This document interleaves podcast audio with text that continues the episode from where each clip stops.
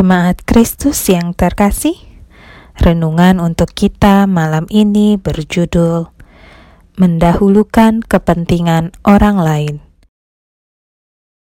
Dan bacaan kita diambil dari 1 Raja-Raja 17 ayat 8 hingga 16. Begini firman Tuhan. Maka datanglah firman Tuhan kepada Elia. Bersiaplah, pergi ke Sarfat yang termasuk wilayah Sidon, dan diamlah di sana. Ketahuilah, aku telah memerintahkan seorang janda untuk memberi engkau makan. Sesudah itu ia bersiap, lalu pergi ke Sarfat. Setelah ia sampai ke pintu gerbang kota itu, tampaklah di sana seorang janda sedang mengumpulkan kayu api. Ia berseru kepada perempuan itu, katanya, "Cobalah ambil bagiku sedikit air dalam kendi, supaya aku minum." Ketika perempuan itu pergi mengambilnya, ia berseru lagi, "Cobalah ambil juga bagiku sepotong roti. Perempuan itu menjawab, Demi Tuhan, Allahmu yang hidup, sesungguhnya tidak ada roti padaku sedikit pun, kecuali segenggam tepung dalam tempayan dan sedikit minyak dalam buli-buli. Dan sekarang aku sedang mengumpulkan dua tiga potong kayu api Kemudian aku mau pulang dan mengolahnya bagiku dan bagi anakku. Dan setelah kami memakannya, maka kami akan mati.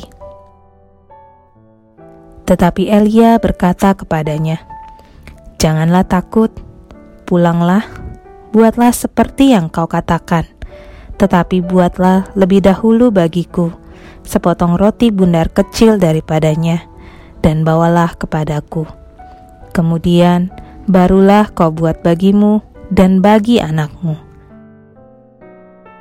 Sebab beginilah firman Tuhan Allah Israel. Tepung dalam tempayan itu tidak akan habis, dan minyak dalam buli-buli itu pun tidak akan berkurang sampai pada waktu Tuhan memberi hujan ke atas muka bumi. Lalu pergilah perempuan itu dan berbuat seperti yang dikatakan Elia. Maka perempuan itu dan dia, serta anak perempuan itu, mendapat makan beberapa waktu lamanya. Tepung dalam tempayan itu tidak habis, dan minyak dalam buli-buli itu tidak berkurang, seperti firman Tuhan yang diucapkannya dengan perantaraan Elia. Siapakah di antara kita yang pernah mengalami kesusahan untuk makan hari ini, bahkan untuk besok pun kita tidak yakin bisa makan atau tidak? Dalam situasi seperti ini, jika ada teman, kawan, atau saudara yang datang dan meminta makan kepada kita, apakah yang akan kita lakukan? Biasanya, tentu kita akan mendahulukan kebutuhan perut seisi rumah kita dahulu dan menolak untuk membantu atau memberikan makanan.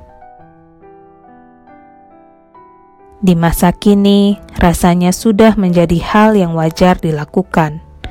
Namun, Allah ingin mengajarkan kepada kita untuk tidak khawatir akan kesusahan hari esok melalui kisah Nabi Elia dan janda di Sarfat. Seorang janda yang sebenarnya sudah sangat putus asa justru mau berbagi dan membuat apa yang dikatakan Elia kepadanya. Ada dua kemungkinan janda tersebut melakukan hal itu. Yang pertama, karena putus asanya sudah mencapai titik nadir, sehingga ia berpikir mau berbagi atau tidak berbagi juga sama-sama mati. Atau kita memiliki keyakinan kepada Elia yang merupakan hamba Allah, maka ada secerca harapan bagi diri dan anaknya. Terkadang Tuhan mengizinkan situasi yang benar-benar menyulitkan terjadi dalam hidup kita agar kuasanya dapat bekerja. Dan di situlah kita diuji. Apakah kita mementingkan diri sendiri atau tetap mau mengupayakan tindakan yang benar namun menyulitkan kita. Kuncinya adalah hidup dalam ketulusan tidak ada yang tak mungkin bagi Allah. Semua bisa Ia kerjakan bagi kehidupan kita, dan percayalah, pemeliharaannya senantiasa cukup untuk hidup kita. Melalui kerelaan hati kita kepada saudara yang membutuhkan, ada tangan yang memberkati dan terulur kepada kita, yaitu Kristus sendiri yang mencukupkan. Demikianlah renungan malam ini. Semoga damai sejahtera dari Tuhan Yesus Kristus tetap memenuhi hati dan pikiran kita. Amin. Jemaat yang terkasih, mari kita bersatu hati menaikkan pokok-pokok doa yang ada dalam gerakan doa 21 GKI Sarwa Indah. Mari berdoa.